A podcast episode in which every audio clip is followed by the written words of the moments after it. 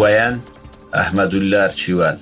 د ملګرو ملتونو سازمان د سرمنشي مرستیاله امینه محمد وايي له طالبانو سره په خبرو کې پر افغان نجونو او ښځو د لګیدلو بندیزونو د کمیدو په برخه کې لږ پرمختګ شوی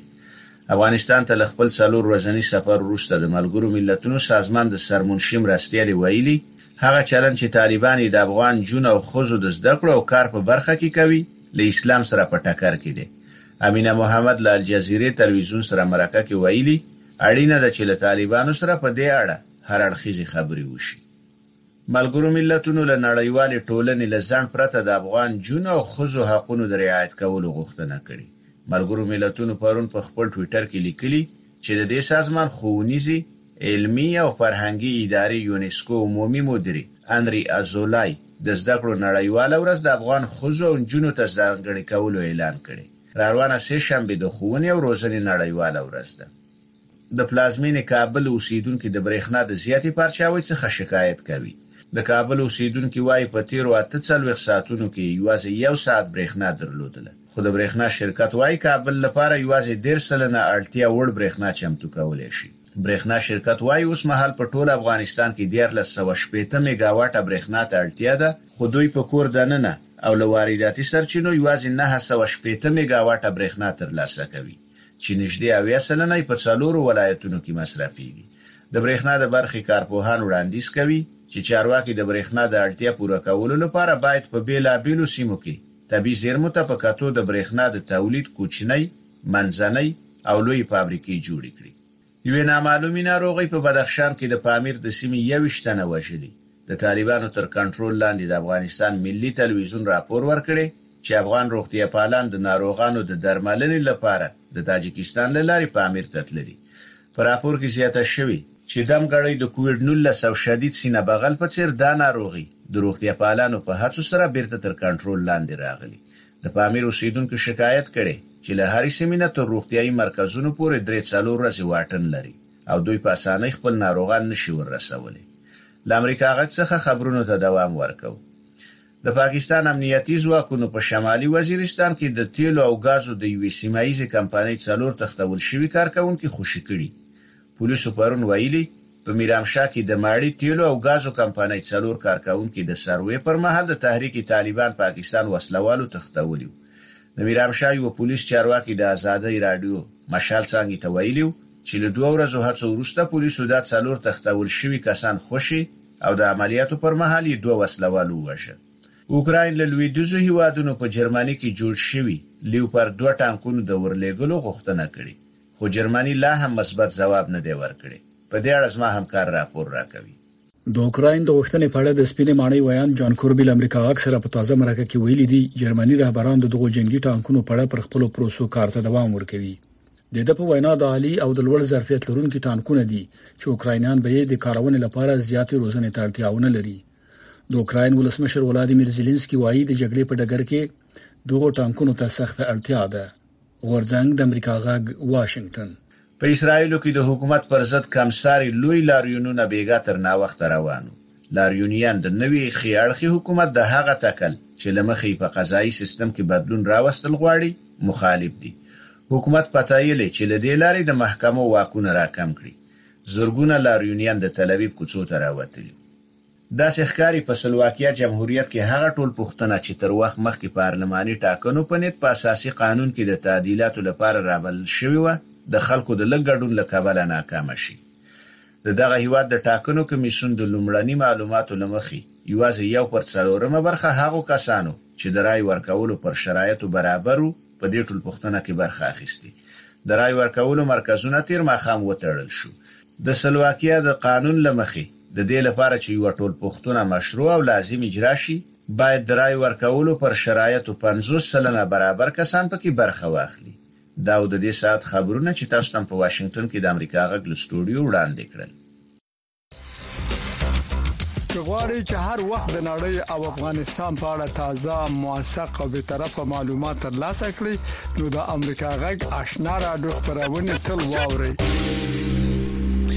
بیا هم ستړي مشئ قدرمنو اوریدونکو ډاکټران وایي چې د هغو کوچنیانو چې مورزادي شونډې پرې شوي یا لپچاک لري شمیر په افغانستان کې زیات شوی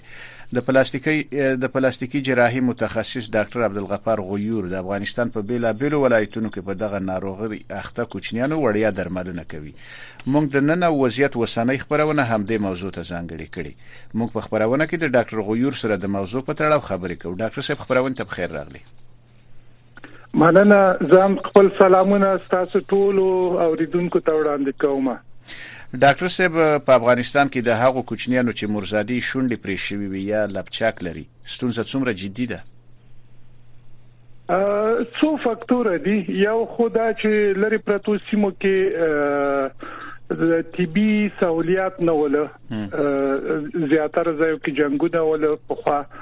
او دوی مدا چې په دغه سیستم باندې زیات ډاکټران نه دي تربیه شوي نو په دې وجه باندې د هر ولایت کې په سلهاو داسې ماشومان چې اته ځواني عمر تر رسیدلی 15 سنه تر شل کلنې پورې دا ماشومان لیدل کیږي ښه ډاکټر صاحب که تاسو د نورو هیوادونو سره پرتله کړئ په افغانستان کې د دغه ناروغي کچه څومره ده که موږ د امریکای یا د اروپا اروپאי هیوادو سره پرتله کو نو افغانستان کې شاید دوه چندنم زیات وي دغه ناروغي وقوعات چې هغه مختلف وجوهات لري ښه په وجوهاتو باندې ډاکټر صاحب خبرې کوي خو که تاسو دغه احصایه مونږ ته ویوي چې په افغانستان کې د دغه ډول ناروغانو سلنه څومره ده که دا سود دا به د نورو هیوادونو سره د افریقایي هیوادونو سره یا د هغه هیوادونو سره چې په اقتصادي او ټولنیز لحاظ د افغانستان سره ورتهواله ولري که دا پرتله کړی په افغانستان کې دا کچه څومره ټیټه ده یا لوړه ده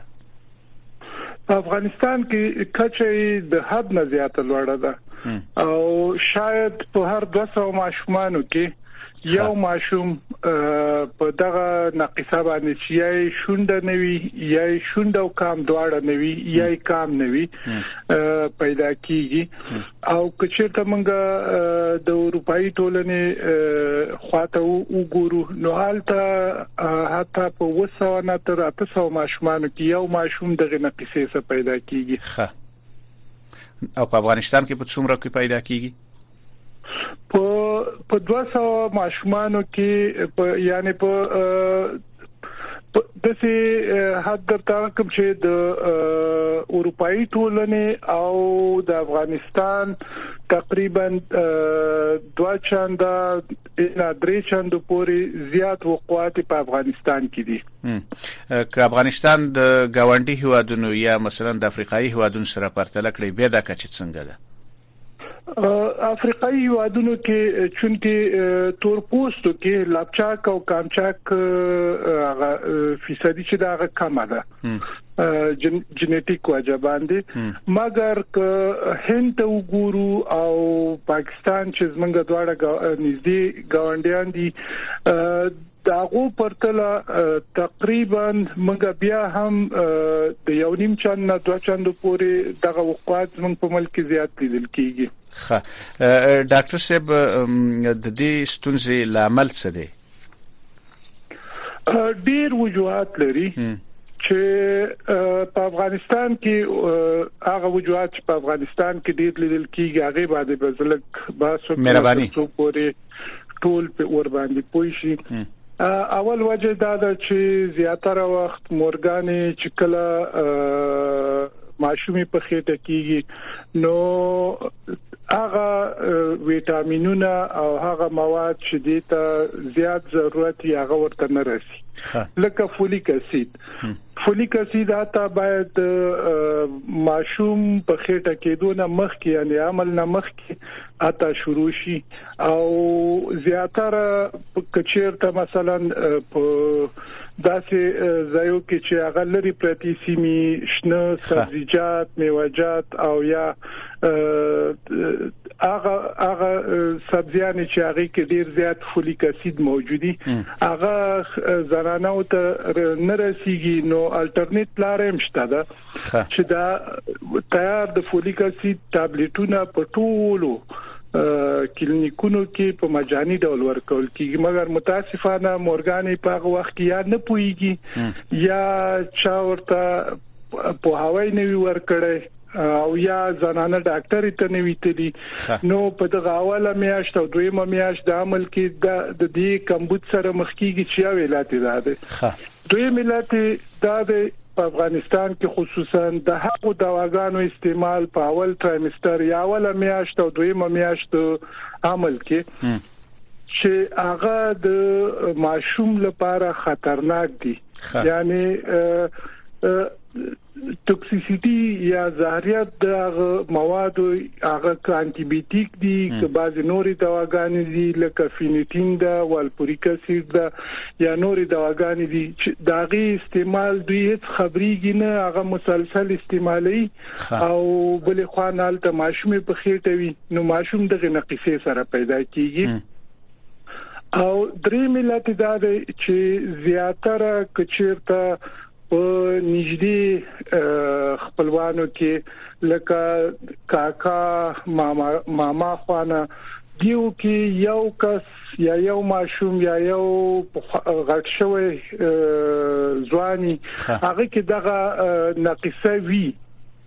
او هغه خپل خپلوانو سره نږدې خپلوانو سره یاد کاکا لور یاد ماما لور سره واده کوي نو دې کې چانس 25% نورم زیاتیږي ښه خه ډاکټر صاحب تاسو ویل چې هغه غذاګانې باید حمل پر مهال مند استعمال کړئ چې هغه فولیک اسید ولري تاسو سبزیجات یاد کړئ د سبزیجاتو نه بر علاوه نورې کومې غذاګانې؟ ټول میوه جاتو کې فولیک اسید عموما هغه میوه جات چې تازه وي هغه کې فولیک اسید حتما په یو اندازه وي خا بل تاسو ویل چې د دوايانو د وجې نه ام د غستونزه پیدا کیږي او ځنې وخت کې چې د حمل یا د امیندوارۍ پر مهال میندې ځنې ځانګړي دوايانې استعمال کړي هغه په بچو کې دغه ستونزه پیدا کیږي نو بیا ډاکټران ولې دغه ډول دوايي ورکوي بیا پښتنه ده چې ډاکټران میندو ته به ولې دغه ډول دوايي ورکوي دغه ډاکټران نه پوهیږي ک بل څه مشکل نه نه ډاکټران پوهیږي دا دواګانې په هغه حالاتو کې ورکول کیږي چې یو زنانه عمل ونه لري او هغه نورمال شکل باندې هر ډاکټر ورته توصيه کوي مګر د عمل په اول او دویمه میاشت کې د هغه استعمال استدباب نه لري یعنی باید استعمال نشي مګر دغه په هوای هغه زنانه او ته نه رسی ښه خه ډیره مننه ډاکټر صاحب ډاکټر صاحب تاسو ویل چې د افغانستان په بیلابیلو ولایتونو کې په سلګونو خلک دغه ډول په سلګونه کوچنيان او ځينې آن د ځوانۍ تر کچې پورې دغه ډول ناروغي لري. تر اوسه پورې په افغانستان کې د دغه ناروغۍ د درملنې لپاره څومره اسانتیاوې موجودې دي؟ په کابل کې اسانتیاوي کافي شته دي د کیور شبخانه په مجاني ډول د عملیاتونه کوي د فرانسویانو شبخانه کوي په ډیر یو حد مصرف باندې چې مریض نه اخلي خو په ولایتو کې دغه سہولیات یا د نشټ په باندې حساب دي او زیاتره خصوصا هغه ولایتونه چې هغه تیر وخت کې د جنگ حالاتو پکې یا سکیورټي نظر ډاکټران هلته په نارمل شکل نشو تللی نو په هغه ولایتو کې کچه د حد نه زیاته ده خصوصا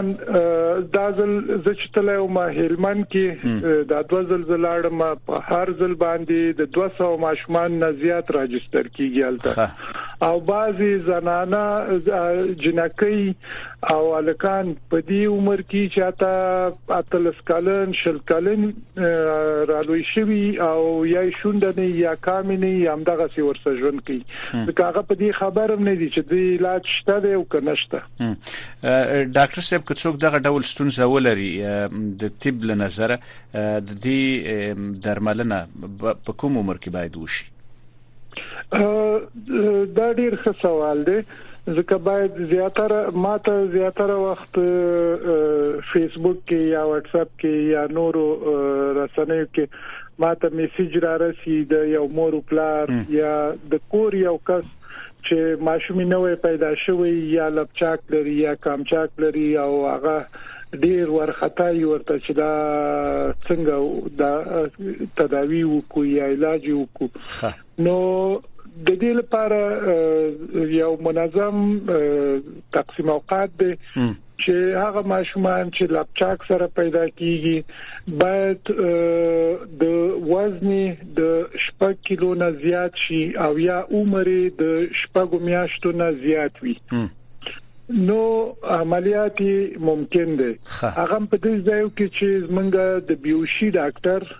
د ماشومانو کې تکړه وي که چیرته زیاتره ځای کې زه چې لاړم د افغانستان بعضي ساحو ته الته زما غټ مشکل دا و چې د بیوشي د څه ډاکټر مې نشو پیدا کولای چې هغه ماشومان ته خې انټوبیشن وکړي نو د اته د اتو میاشتو ماشومم کینسل کاو مګر کابل کې بیا د سہولیات شته دي یا قندوز کې شته دي او هلمند کې موس هغه څو ته انستیزلوګان تربیه شوی دی هغه هم کوي خو نور ولایتو کې دا مشکلات نو د لپچاک کښونډه د ماشوم نوي ک یو طرفي ک دوه طرفي نو دا غي لپاره هم دا کرایټیریا یا سیستم دی چې با کم از کم عمر باید د شپږو میاشتو نه زیات وي او یا هم وزن د شپږ کیلو نه زیاتی او که کم او شونډې وي نو شونډې لپاره هم دا پروتوکول استعمالو او د کام لپاره کم از کم وزن باید د لاسونه 11 کیلو پورې زیات وي او عمر د 15 میاشتو نه زیاتی نو کامې منګه په اسانۍ سره عملیاتوي شو خه ډاکټر صاحب د عمر باره کې تاسو خبرې وکړلې یا موضوع یو څه واضح شوله خو که تاسو ماته د سی د خو تاسو غ خپل کرایټیریا تاسو ویل چې که دغه حالت ولري کېدای شي که یو څوک په دې مرز باندې اخته وي خه خبره به څنګه چې په کم عمر کې درملنه وکي او که عمر ډیر شي بیا درملنه وکي د دې عملیاتو باید دا جدا یو سوال رانه وکړي ولې د عملیاتونه باید وکړو بالکل سای سای هم دې پوښتنې ته تاسو جواب وې مهرباني عموما ماشومان چې دغه نقصې څخه پیدا کیږي د دوی شونډه نه وي نو تر دوه کلنې پوري یا تا یو نیم کلنې پوري ماشوم نه پويږي چې زما شونډه کې یا کام کې کوم مشکل شته دی نو هغه دومره احساس د کمترۍ نه کوي مګر مور او پلار زوريږي کله چې ماشوم را غټيږي خصوصا غټان ماشومان چې ما ولیدل هغه د نور الکانو یا جنکو نه کنارګيري کوي او یو یو ډیپریس پرسونالټي لري یا زین نارامي چې ولی ما کې دا مشکل شته او نورو کې نشته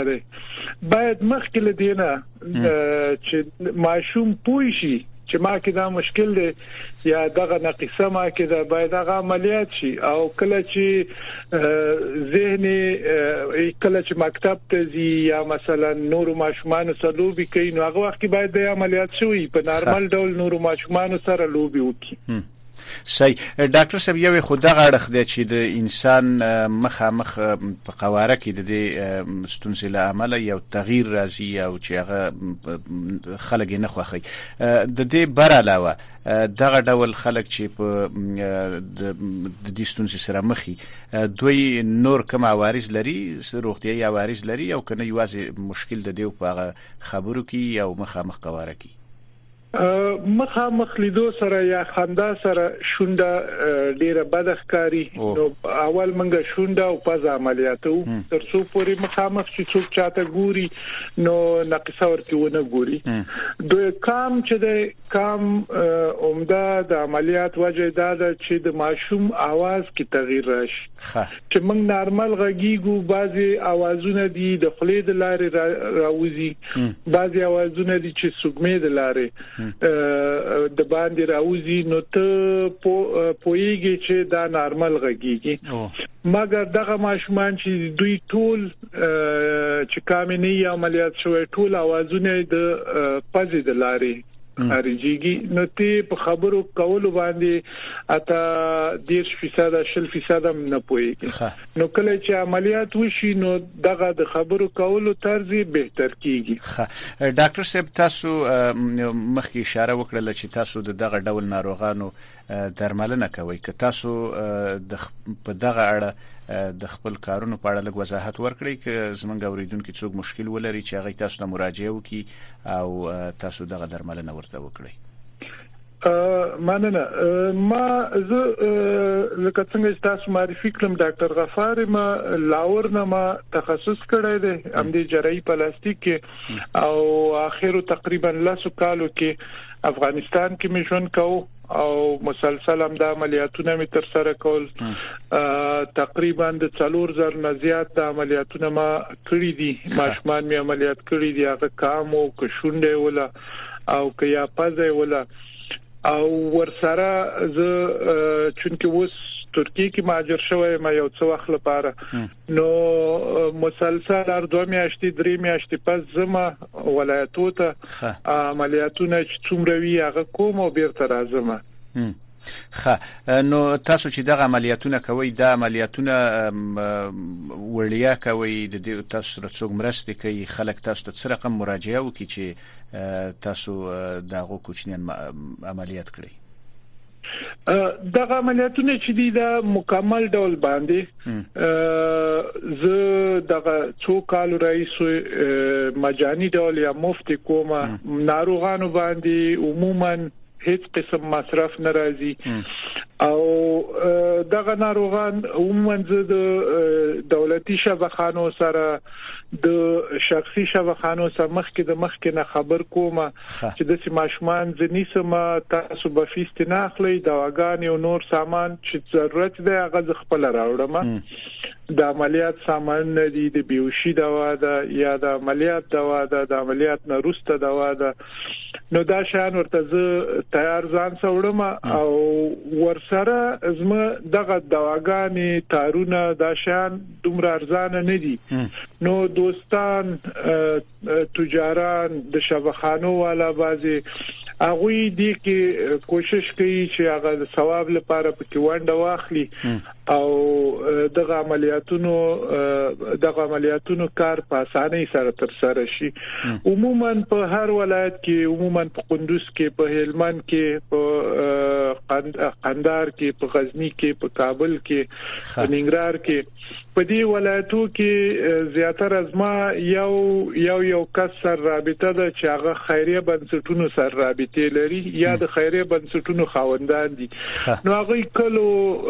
کلو کې ولسوالیو کې چې ګرځي یا خلک خلکو ته ویلي چې کده سي ماشومان ولیدل ماته نمره راولېږي نو هغه ماشومان را جمع کوي راجستر کوي ځان سره چې هر څومره زیات راجستر کېدل بیا همغومره زیات وخت هغه ولایت کې زه تیروم او هغه عملیاتونه کوم خه ډاکټر صاحب یو بل خبره ده یو بل پښتنه ده چې تاسو خو ویل چې تاسو په بیلا بیل ولایتونو کې هم دغه رقم درملنه کوي او د ناروغانو عملیات کوی اوس پوښتنه دا ده چی تر اوسه پوری چی تاسو څلور زره کسان عملیات کړی دی دا خو یو لوی شمیر دی په ټوله کی که د افغانستان په کچه باندې خبره وکړو دغه ستاسو کار څومره محسوس دی یا د ستونزه څومره حل کړی ده غټ مشکل دا دی چې دی دغه دغه تخصصي برخه کې ډیر ډاکټران نه دي تربیه شوي نو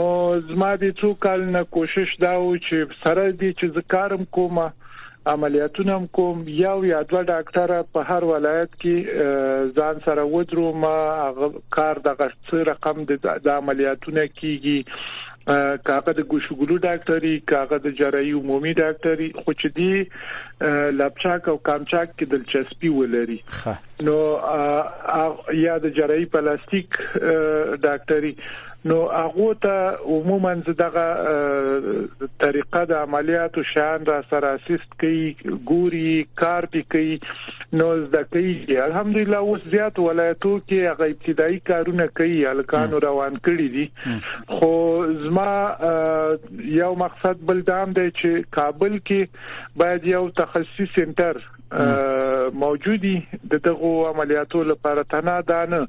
د جرای پلاستیک ټول عملیاتو لپاره چې هغه کې زه ونده واخلم او ان شاء الله پاینده کې دا پلان می جوړ کړی چې د کابل یو دولتي شبخانو کې دا سیستم مخ کې وېسمه او پات شو د دغه رقم عملیاتونه تقریبا په کابل کې کافي شاید شپږ و نه لاسو پورې د سجرانی چې د عملیاتونه کوي او عموما هغوی ولایتو ته نه ځي همغه کابل کې کناروغ راځي عملیاتي او بعض بعض ځایو کې خیریه سیستم نشته ځکه دغه ناروغان ډیر غریب طبقه نه وی نو عموما اول د کابل راتک پیسې نه لري یا کرایه نه لري او دویم دا چې کچیرته کابل تم را رسی نو په مشکل باندې هغه ځای پیدا کوي چې حالت مجانی عملیاتونه کیږي خه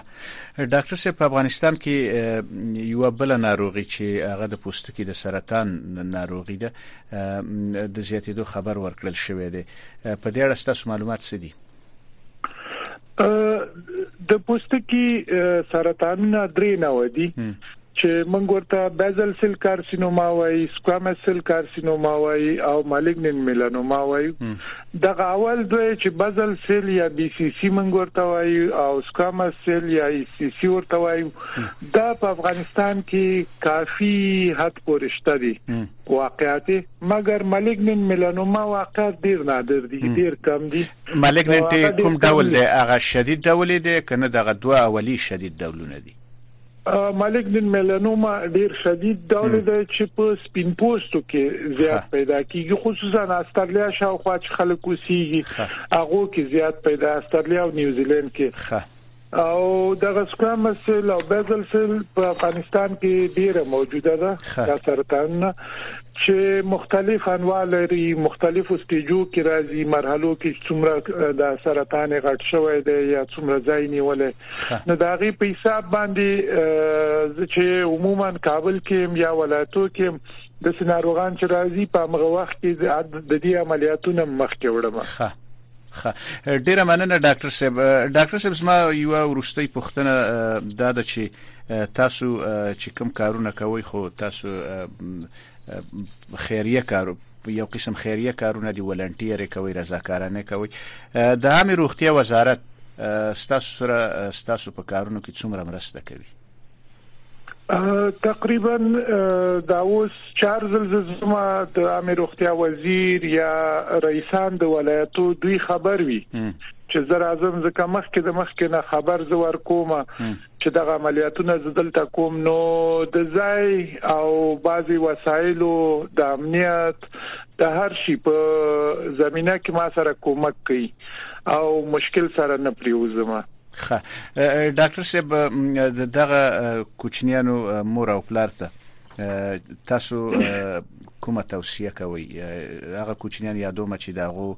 مرزادي شونډې پرې شوی وي دغه مور او پلار تم توصیه څه ده زما مهمه توصیه دا ده ورته چې دا علاج لري زیاتره مور پلار په دې فکر کې دي چې دا ناممکن دی د دې د نقصې علاج اول باید په دې پوه شي چې دا علاج لري او دویمه خبر دا چې حوصله به کوي صبر به کوي چې د ماشوم وزن یا عمر د د پروتوکول یا ازمنګ د سیستم په حساب باندې چې جوړي نو په هر ځای کې چې هلته دی وزارت صحت عامه ریاستونه دی هر ولایت کې هغه سره یا په کابل کې رایل شبه خانه ده مننه ډاکټر صاحب ډیره زیاته مننه ډیره زیاته مننه ډاکټر صاحب په بخنه سره زموږ د خبرونه وخت هم دومره